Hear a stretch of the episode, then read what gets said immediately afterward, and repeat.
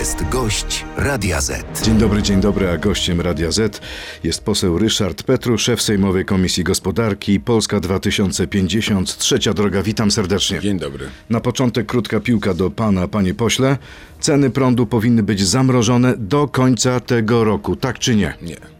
Nie odpowiada Ryszard Petru, a jakie jest y, państwa zdanie? Zapraszam państwa na radioz.pl. A dlaczego nie? Nie, co do zasady nie możemy sobie pozwolić na to, że cały czas e, państwo dopłaca do cen, aczkolwiek nie jestem zwolennikiem pełnego uwolnienia, bo skok cenowy byłby zbyt wysoki, czyli musimy jakoś płynnie dochodzić do uwolnienia cen po tym półroczu, które, w którym są zamrożone. I tutaj nie chciałbym wchodzić w szczegóły, no bo to jest przedmiot dyskusji na poziomie rządu, ale co do zasady, no nie możemy mieć sytuacji, w której państwo do wszystkiego dopłaca. Ale wie pan, czym może to grozić? Niektórzy mówią, że ceny prądu mogą dwu, trzykrotnie wzrosnąć. Dlatego powiedziałem, że nie jestem zwolennikiem natychmiastowego uwolnienia, bo byłby skok cenowy i bardzo mocne uderzenie po kosztach. Jak to robić? Etapami? To musi trzeba by robić etapami i widziałem wypowiedzieć, wypowiedź szefa Urzędu Regulacji Energetyki i co do zasady, powiem tak, że kierunkowo się zgadzał. Mówi, że są albo etapami, albo bardziej chronić te gospodarstwa domowe, które są naprawdę najbiedniejsze. Natomiast nie można robić to w formie szokowej i tutaj Czyli dopłaty do prądu nie dla wszystkich? ale to docelowo. Na, na pewno nie ma możliwości, aby pewnego dnia zniknęło, zniknęło zamrożenie cen i nagle nastąpiła eksplozja cen o właśnie te 200%. Kończąc ten wątek, nie wyobraża pan sobie, żeby ciągnąć tego mechanizmu w nieskończoność, czyli w lipcu, w czerwcu, y, w lipcu, Tak. sierpniu we wrześniu? Nie, nie, nie wyobrażam sobie, żeby, no bo jeżeli zamrożymy na kolejne pół roku, no to pytanie będzie znowu między grudniem a styczniem, co zrobimy od przyszłego roku. No i pytanie jest takie, czy państwo na stałe ma dopłacać do wszystkich, do cen prądu. Uważam, że musi następować forma uwolnienia, ale nie może mieć miejsce nagła i szokowa. No właśnie, bo to może być bardzo duży szok Ale to dla wielu sz- ludzi. Tak, to nie, gospodarka nie powinna funkcjonować na zasadzie szoków, wstrząsów. To teraz sondaż, y, nie wiem czy panem y, wstrząśnie. E, Nie minęło jeszcze 50 dni rządów, a już nastroje społeczne są kiepskie. Według CEBOS-u, instytucji rządowej, y, tylko 38% Polaków jest zadowolonych z sytuacji w kraju, 42% oceniają źle. Jak pan sobie to tłumaczy? No, sytuacja gospodarcza w kraju się jakoś istotnie nie zmieniła od momentu wygrania wyborów. E, Pamiętajmy, że dwa miesiące potem rządził PiS. Nasze rządy są de facto trwają nie więcej niż miesiąc, ale faktem jest, że przyszedł czas realizacji obietnic wyborczych, gospodarczych szczególnie, no bo jednak jakieś obietnice zostały złożone. Nie mówię tutaj wyłącznie o podwyżkach e, płac dla nauczycieli. Za wolno to wszystko idzie pana zdaniem? Nie powiedziałem, że za wolno, ale ludzie oczekują już pewnego rodzaju albo konkretów, albo sygnałów, że coś się wydarzy, chociażby w kwestii składki zdrowotnej, którą obiecaliśmy, że przywrócimy do pierwotnej formy, albo przynajmniej blisko pierwotnej formy. Jest też kwestia uwolnienia handlu w niedzielę. Była to obietnica większości partii politycznych tworzących y, koalicję A dlaczego ta sprawa, y, że tak powiem, jest zamrożona? Nie, nie, nie, nie, nie chcę być zamrożona. Wiem, że rozmowy i prace trwają. A pan chciałby, żeby przyspieszyć pracę? nie, wydaje mi się, że czas, na, czas skupić się na tych rzeczach. Mieliśmy e, bardzo mocne zamieszanie polityczne w kontekście e, dwóch panów, którzy zostali skazani prawomocnym wyrokiem i była cała dyskusja, czy są skazani. Są skazani, zostali ułaskawieni, nie ma tematu, nie są posłami. Ale nie, pana zdaniem trzeba schodzić z tego tematu? Nie, to w ogóle te, temat Mówimy o panu Kamińskim tak i panu jest. Wąsiku. Temat nie, nie istnieje w tym sensie, że zostali skazani, zostali ułaskawieni, nie są posłami. Koniec, kropka. Przejdźmy do realizacji programu gospodarczego w ramach e, szeroko rozumianej koalicji rządowej. Jest pan rozczarowany tym, co robi rząd? Nie, nie, zawsze Pan mówi, przejdźmy do realizacji programu. Mówię o tym e, po- Polakom też poprzez e, radiostację Radio Z, że jest to element agendy pracy. Jestem w kontakcie z ministrem finansów, ministrem gospodarki. Wiem, że takie prace trwają. Niemniej, bez wątpienia, Polakom trzeba o tym mówić i jakby zaplanować działania w perspektywie najbliższych tygodni, miesięcy, tak aby było wiadomo, kiedy to się wydarzy, bo Polacy oczekują likwidacji składki zdrowotnej w dotychczasowej formule, która została wprowadzona przez y, Polski Ład. Oczekują też konsolidacji finansów publicznych. Co chwilę dowiadujemy się o wydatkach funduszy covidowych, BGK-ów i tak dalej, które są daleko, daleko niezwiązane z ich y, głównym przeznaczeniem. Konsolidacja fundusze skasował? ja bym je na początku włączył pod kontrolę parlamentu i budżetu. To jest podstawa. To jest podstawa. No musimy zobaczyć, co tam jest. Nie może być sytuacji, że nie wiemy. Czyli Nie. A co ze spółkami Skarbu Państwa? No kluczem jest to, żeby nie powstało wrażenie, że jedna ekipa zastępowana jest przez drugą. Jest, powinna być prowadzona cała procedura konkursowa. Polska 2050 przygotowała tego typu rozwiązania. Chodzi o to, żeby było transparentnie, żeby było wiadomo, kto się zgłasza do, danego, do danej jakby spółki i wiadomo było, dlaczego został wybrany. Ja rozumiem, że jest, jest potrzeba szybkich zmian kadr, no ale Polakom obiecaliśmy transparentność, y, obiecaliśmy przejrzystość konkursów i to jest, y, to jest oczywiście adresowane do Ministerstwa Aktywów Państwowych, ale nie tylko. Czyli to jest zobowiązanie wszystkich partii, które wygrały wybory. Tak, uważam. To dlaczego to się nie dzieje? Wie pan co teraz dopiero... Dlaczego został hamulec y, włączony? Ja nie, nie, nie, znów nie powiedziałem, że jest hamulec. Bardziej Ale takie mam wrażenie. O właśnie, właśnie o to mi chodzi, żeby nie było takiego wrażenia, Ale że to jest... o co chodzi? No, mówi pan to nieprzypadkowo. No, pan mnie pyta, dlatego ja odpo- ja odpowiadam. Ja mam tą wadę, że mówię to, co uważam i nie będę się krygował. Uważam, że Polacy oczekują od nas transparentności w wyborze e, członków zarządów spółek czy rad nadzorczych spółek Skarbu Państwa. Jest tego dużo. Ja jestem w ogóle zwo- zwolennikiem, y, jak pan wie, częściowej prywatyzacji, ale w związku z tym, że nie ma na to przyzwolenia większości parlamentarnej, to przynajmniej zróbmy to w sposób transparentny, przejrzysty, żeby były konkursy, żeby Polak wiedział, dlaczego ta osoba została wybrana, a dlaczego tamta została Ja mam wrażenie, że apeluje pan teraz publicznie do Borysa Budki. Nie, nie, nie. Wie pan, Ministra co? aktywów sam, państwowych. Sam Borys Budka, który, Jest jakiś problem? sam pan Borys Budka, który e, wykonuje moim zdaniem ciężką pracę, dlatego że musi podwoływać część takich nepotyczno-oligarchicznych struktur, chociażby w Orlenie i ma przed sobą wielkie zadanie. Jest elementem całej koalicji. To jest raczej wyzwanie, to wszystkim o czym mówię, to jest wyzwanie do całej koalicji, bo w przypadku na przykład uwolnienia handlu są różne zdania. Mamy e, zwolenników pełnej liberalizacji, czyli wszystkie niedziele handlowe. Ja Szczerze mówiąc, jestem zwolennikiem takiego rozwiązania, ale trzecia droga zaproponowała co drugą. Wiem, że lewica ma również skłonność raczej nie iść do pełnej liberalizacji.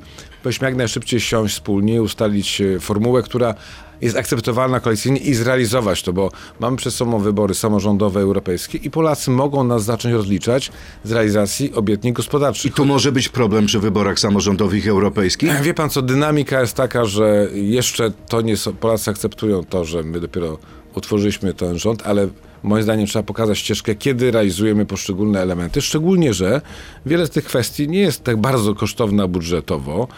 Odpolitycznienie spółek Skarbu Państwa nie jest w ogóle, y, nie jest w ogóle kosztowne. Jeżeli chodzi o uwolnienie handlu, to akurat zwiększa Ale wzrost, e, wzrost zatrzymajmy się na moment przy tych spółkach Skarbu Państwa. Kto powinien stanąć na czele Orlenu? Czy człowiek wyłoniony w konkursie, czy znajomy premiera albo ministra?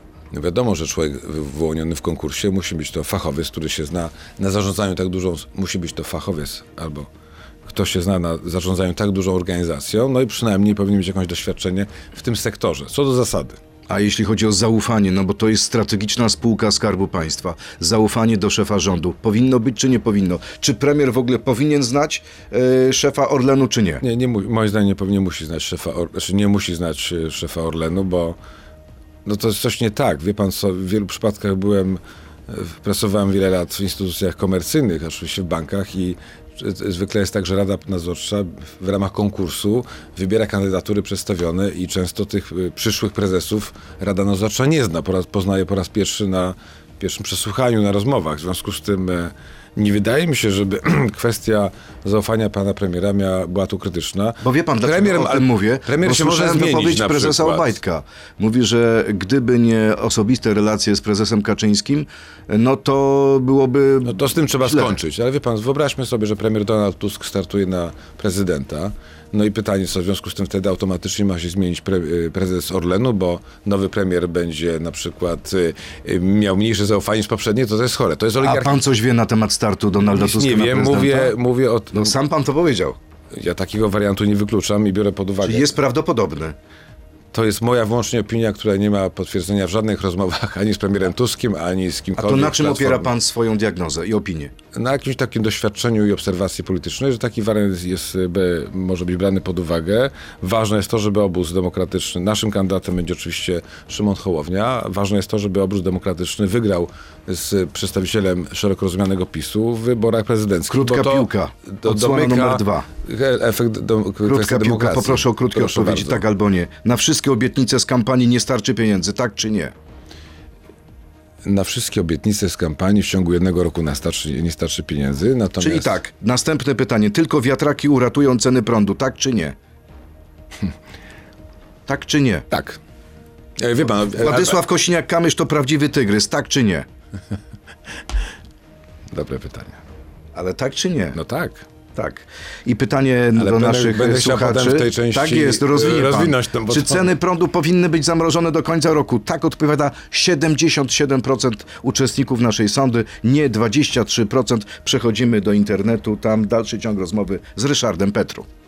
To jest gość Radia Z. No właśnie, e, ludzie w zdecydowanej większości chcą zamrożenia cen prądu. To jest oczywiste, każdy. Ja też wolę osobiście płacić niższe ceny Ale prądu. pan mówi, że tego mechanizmu do końca się nie da utrzymać. No wie pan co, bo jest, czuję się też współodpowiedzialny za całą gospodarkę. Przecież dopłaty idą z naszych podatków, z tej składki chociażby zdrowotnej, którą chcemy zlikwidować. No, W przeciwieństwie do pańskich kolegów nie jest pan populistą? no nie, nie, na pewno nie jestem populistą i nie powiedziałem w przeciwieństwie do moich kolegów, bo koledzy i koleżanki zamroziliśmy e, ceny prądu na pół roku. Powiedziałem, nie jestem zwolennikiem nagłego uwolnienia cen, bo jakby gospodarka, Polacy mają tego prawo nie wytrzymać, to musi być stopniowe odchodzenie od sytuacji, w której państwo w takiej skali dopłaca do prądu. Szczególnie, że mamy dobrą perspektywę istotnie niższej inflacji w przyszłości, co widać w Europie. W Europie problem inflacji już znika, w Polsce cały czas jeszcze nie. Obiecałem panu, że dokończy pan wypowiedź na temat tygrysa. Wszystkiego chciałbym. e, To bardzo proszę. No bo, E, Władysław Kośniak-Kamysz to prawdziwy tygrys. Odpowiedział pan po chwili wahania tak. No bo rozumiem, że mogłem odpowiedzieć, że nie jest tygrysem, w związku z tym y, rozumiem, że to jest y, komplement, a nie y, ocena pejoratywna. To jest o- też nawiązanie do wypowiedzi prezesa Kaczyńskiego, który w weekend y, y, troszeczkę sobie kpił y, z, y, A to nie jestem na z bieżąco. charakteru, To nie jestem na bieżąco, z przepraszam. odwagi tygrysa. No ale pan powiedział, że jest tygrys. No bo musiałem odpowiedzieć panu na pytanie, ale nie znam kontekstu wypowiedzi pana Kaczyńskiego. Chodzi o jedną rzecz, mianowicie, że Władysław Kośniak-Kamysz nie ma wystarczającej pozycji w rządzie, żeby móc przeforsować na przykład zakupy zbrojeniowe.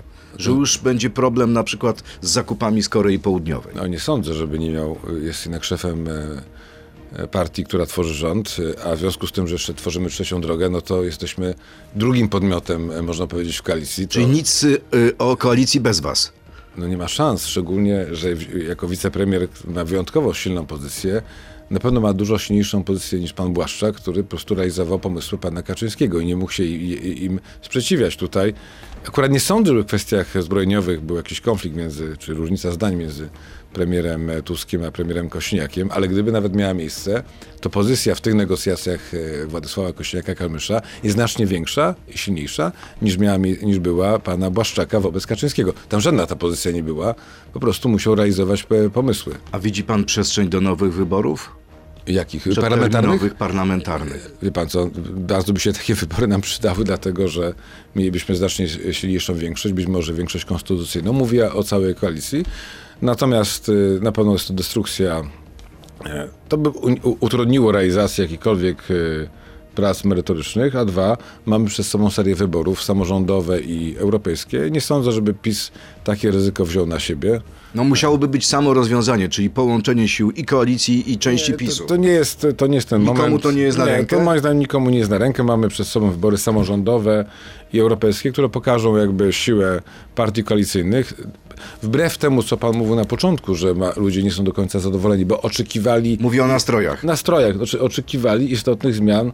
No ludzie patrzą na, ja, wie pan, ja jestem, No, prostu- pan- ja jestem realistą, Panie jestem pośle, jest pan realistą i potrafi pan powiedzieć prawdę. W przeciwieństwie do niektórych pańskich kolegów, którzy no, bardziej się kontrolują. Czy pana ja się zdaniem... kontroluję. No właśnie, Ja się ale kontroluję. mówię o kolegach.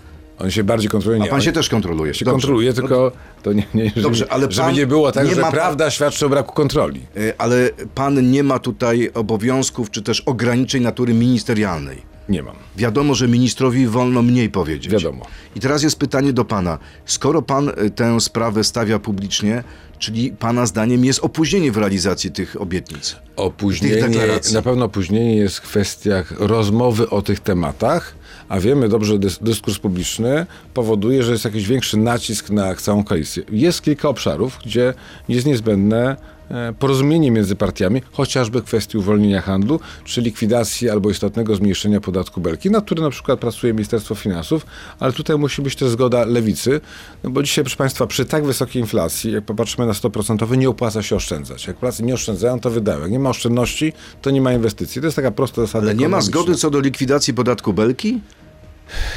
Mam obawę, że nie ma zgody, ale nie chciałbym zbyt daleko iść e, w tym. e, Ale z czego wynikają te obawy? Kto nie chce likwidacji tego podatku? I dlaczego miałby on nie być Nie, panie redaktorze, nie to chciałbym- Są jakieś wielkie dochody? Nie, nie są to. Nie są to e, Dlaczego?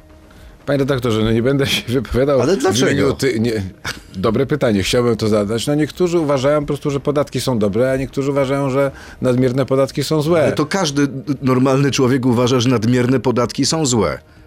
Z jakiegoś powodu, panie redaktorze, lata temu premier Belka wprowadził ten podatek i jakoś nikomu się nie chciało z tego podatku zrezygnować. On zaczął boleć dopiero wtedy, kiedy okazało się, że my, jako osz- Polacy, na oszczędnościach tracimy w stosunku do inflacji. Nie dość, że tracimy, bo mamy niższe oprocentowanie niż prawda, inflacja. Nie dość, że tracimy, to jeszcze płacimy o, o podatek od niby zysków, które są de facto stratą. Ale dlaczego? Y, Przecież obiecywaliście zlikwidowanie podatku. E, Nie, nie, to, nie, to wydaje mi się, że część e, koalicjantów obiecywała, a część nie. Także tutaj bądźmy Dobrze. blisko To prawdy. teraz pytanie, również w pytaniach naszych słuchaczy dominują pytania o obietnice. Proszę bardzo. Zacznijmy. Y, Mówił pan o niedzielach handlowych. Czy ten projekt, pyta nasz słuchacz, jest wrzucony do kosza, czy jeszcze do zamrażarki? E, Niedziele handlowe. Co się z tym ani, dzieje? Ani kosz, ani zamrażarki. Wiem, że rozmowy trwają, natomiast nie, chcia, nie chciałbym teraz deklarować terminów, e, kiedy to się rozpocznie. W ramach Komisji Gospodarki wiele, wiele osób dostaje pis, pisma zapytania w tej sprawie. Będę o tym rozmawiał na najbliższych e, możliwych e, spotkaniach z odpowiednimi resortami. Czy chce pan przyspieszenia w tej sprawie? Ja bym chciał, ja osobiście chcę przyspieszenia w tej sprawie. To jest w gestii Ministerstwa e, e, e, Pracy i Czyli k- koalicjant z lewicy. Tak jest. Pani No i- minister Dziemianowicz Bąk. Tak jest, tak jest. No i będę chciał, żeby jakby te prace rozpocząć, no bo nie ma powodu, żebyśmy z nimi się wstrzymywali. Kolejne pytanie. E, Czy w XXI wieku, w kraju, który wstąpił prawie 20 lat temu do Unii, 25 lat temu do NATO, kraju z populacją na poziomie 38 milionów złot, y, przepraszam, ludności, państwo polskie naprawdę potrzebuje zbiórki pieniędzy od obywateli na sprzęt medyczny? Czy wizerunek Polski i Polaka za granicą musi kojarzyć się z biedą? No nie, to, to uważam, że to jest niewłaściwa diagnoza tej akcji, to jest To jest fantastyczne. krytyka oczywiście tak, Wielkiej zrozumiałem. Tak, Pomocy. to zrozumiałem, aluzję. To wręcz odwrotnie, zawsze są, jest tak, że jest e, sektor nierządowy, czyli tak zwane NGO, które się angażują. To jest akcja, która jest pozytywna. E, Wynika to z tego, że zawsze brakuje pieniędzy na pewne e, procedury medyczne. Jesteśmy krajem, jednym z najbiedniejszych krajów Unii Europejskiej. W ochronie zdrowia w Polsce nie jest dobrze. Wymaga to wielkich reform i tego typu akcje Czyli są... wizerunkowi Polski to nie szkodzi. Proszę pana, no tak, bo to jest pozytywne. Tutaj Okej. nie ma nic negatywnego. Kolejne pytanie. Czy jako liberał uważa pan, że wprowadzenie kar za tak zwaną mowę nienawiści jest słuszne? No to jest, wie pan, cała dyskusja o tym, jak Co definiujemy... panu podpowiada serce? Uważam, że mowa nienawiści... Dobrze wiemy z historii, że e, słowa mogą prowadzić do wojen. W związku z tym też trzeba gdzieś postawić tą granicę. Trzeba wprowadzać konkretne przepisy, czy No, wystarczy pan, obecny jest- kodeks karny widzi i pan, kodeks cywilny? Widzi pan, no te konkretne przepisy to zawsze jest... y, Nigdy nie jest pan w stanie wyobrazić sobie, co kto jeszcze może powiedzieć. To jest ułomność polskiego prawa, prawda? Czyli... Gdyby dzisiaj pan miał głosować nad tą mową nienawiści, to głosowałby... No to musiałem zobaczyć konkretne, Konkretne przepisy. konkretne przepisy. To jest bardzo, wie pan, no, mam do czynienia z polskimi sądami i wiem jak bardzo, jeżeli z kolei doprowadzimy do tego, że wszystko ma być enumeratywnie wymienione, jakie rodzaju zachowania są mową nienawiści, to potem ktoś wymyśli taką formułę, która się pod to nie, nie, nie Czyli załapuje. bez przesady. Bez przesady. Dobrze, kolejne pytanie. Czy jest pan za wycofaniem gotówki z obiegu i pieniądzem cyfrowym z datą ważności? Nie, nie, jestem zwolennikiem tego, żeby gotówka była i e, oczywiście w e, takiej formule, która byłaby jakoś tam ograniczana, czyli nie chciałbym, żeby wszelkie transakcje, nie wiem, 100 tysięcy, milion złotych były w gotówkowo to musi być jednak pod kontrolą, natomiast go- gotówka... Ale wie pan, że Unia chce wprowadzić limity. Ma być taki limit 10 tysięcy euro, jeśli chodzi o transfery gotówkowe. To jest krok w dobrym kierunku, czy przegięcie? Nie chciałbym teraz się popadać co do kwoty, ale uważam, że musi być pewne ograniczenie, żeby no nie, nie, nie wspierać szarej strefy, a z drugiej strony gotówka no, musi być w obiegu, bo system jednak nie jest do tego przy... przy... Wie pan, my mamy w Polsce blika, a, wielu, a jak się wyjedzie pan za granicą, okaże się, że nie, ma, no nie można blikiem płacić. I tak jesteśmy bardzo zaawansowani. Czy jesteśmy do przodu? Ale wie pan, w wielu przypadkach, i tak w, zaskoczony byłem, będąc ostatnio w, w Austrii, że w wielu miejscach po prostu gotówki po, oczekują tylko cash only. Zask- zaskoczenie, ale jednak świat wie pan, w przyszłości w sposób naturalny być może ta gotówka zniknie i e, ludzie nie będą chcieli jej. No, teraz jest potrzeba, w związku z tym nie możemy z tą potrzebą w sposób administracyjny tak ostro walczyć. Panie pośle, kolejne pytanie. Czy uważa pan, y, czy nie uważa pan, że podwyżka pensji dla budżetówki spowoduje wzrost inflacji? Wiadomo, że spowoduje wzrost inflacji, tylko to jest w dużym stopniu rekompensata za zbyt wysoko, za wysoką inflację w przeszłości. Y, Przed wyborami zniechęcał pan przedsiębiorców do głosowania na Konfederację, mówiąc im, że to populistyczna partia, która nie zrealizuje swoich postulatów. Co pan teraz mówi przedsiębiorcom, y, przedsiębiorcom gdy ci pytają, dlaczego pańska partia, czyli Trzecia Droga, oszukała ich z dobrowolnym ZUS-em? Wydaje mi się, że to było nieporozumienie, bo e, dobrowolny ZUS e, proponowany przez Konfederację po- polegał na tym, że można było wstrzymać się niepo- i przestać płacić ZUS, natomiast e, w trzeciej drodze pomysł e, to dotyczył wakacji w sytuacji, gdy ktoś jest e, w trudnej, w trudnej sytuacji.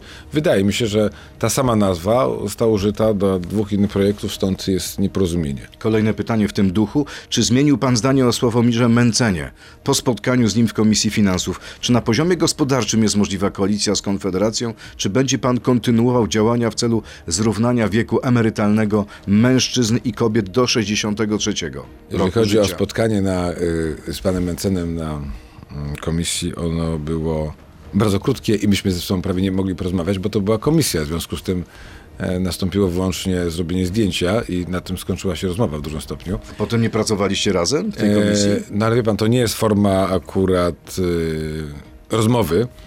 Mm, Pan Mencen, nie- chciałem teraz go tutaj oceniać, jakby nie jest bardzo aktywny bardzo na, proszę, to- na, na komisji. Ale Zarzuca to, pan mu lenistwo? Nie, nie, nie, nie, nie zarzucam, po prostu e, ma jako opozycja ma też ograniczony wpływ na to, co się dzieje na tej komisji, także rozumiem jego postawę. Ale co, nie chce mu się po prostu siedzieć, bo i tak nie ma wpływu na nic? Wie pan co, jest za dużo tych komisji, być może nie wszystko widziałem, e, też nie na wszystkich e, przecież byłem, w związku z tym nie, nie, chcę, nie chcę wchodzić dalej. Nie chce pan krytykować. Nie chcę krytykować, bo mogę, mogę jednak krytykować. Nie, Może pan przeszarżować. Mogę przeszarżować i to nie jest krytyka, tylko y, posłowie opozycyjni na tego typu komisjach muszą wyłącznie głośno gadać, a potem i tak są zwykle przegłosowywani.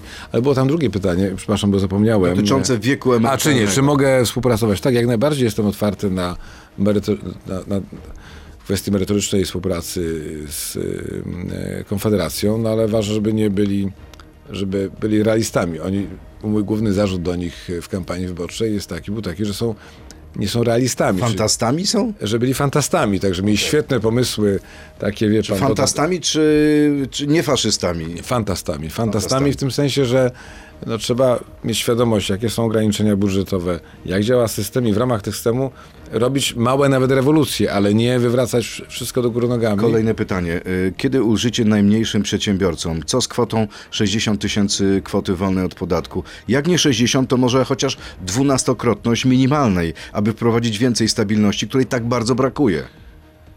Ja bym był zwolennikiem tej kwoty wolnej. e, To dlaczego jej nie można no bo wprowadzić? zosta zastaliśmy budżet państwa z wielką dziurą Morawieckiego. Jeszcze, jeszcze będzie jeszcze większa w wyniku podwyżek. Powiększyliście ją przecież. No, ale to jest Deficyt jest większy o 18, 20 Tak, tak, no bo miliardów. to jest w wyniku tego, że trzeba zrekompensować nauczycielom e, stracone, że tak powiem, dochody z tytułu inflacji. W związku z tym to się nie da wszystkiego wprowadzić, niemniej jednak kluczem na wszystko jest wzrost gospodarczy. Wzrost gospodarczy daje dodatkowe dochody, które dają możliwość realizacji tych postulatów, ale bez działań, o których między innymi wspominałem wcześniej, czyli deregulacja, prawda, składka zdrowotna, uwolnienie handlu w niedzielę. Ale też ważne jest to, żeby było odpolitycznienie spółek Skarbu Państwa. Nie ma możliwości stworzenia e, że tak powiem, podwalin pod wzrost gospodarczy, ale taka wprowadzenie kwoty wolnej jest de facto wprowadzeniem podatku liniowego, którego zawsze byłem zwolennikiem, no bo większość ludzi będzie płas- płaciło płaski podatek. Ale w tym, rozumiem, y, rozdaniu koalicyjnym to jest niemożliwe. Nie, nie powiedziałem tego. Jest to możliwe, ale na pewno nie w tym roku. A w przyszłym? Ja nie wykluczam, to wszystko zależy od tego, czy będzie możliwość, y, czy wzrost gospodarczy nam, da nam na tyle duże dochody i te działania, o których wspomniałem, które spowodują, że tego typu rozwiązanie będzie bezpieczne. Jest pan za CPK, czy nie za CPK? Co do zasady, jestem zwolennikiem kolei szybkich prędkości. Nie jestem zwolennikiem budowania wielkiego hubu, który nie wygląda mi na to, żeby miał się kiedykolwiek zwrócić, bo nie ma linii lotniczej, która miałaby obsługiwać taki hub. A propos, jest pytanie z tym związane. Jednym z argumentów, pisze nasz słuchacz, przeciwko CPK jest, że jest to, że nie ma informacji na temat stopy zwrotu. Czy może pan opowiedzieć o stopach zwrotu autostrad?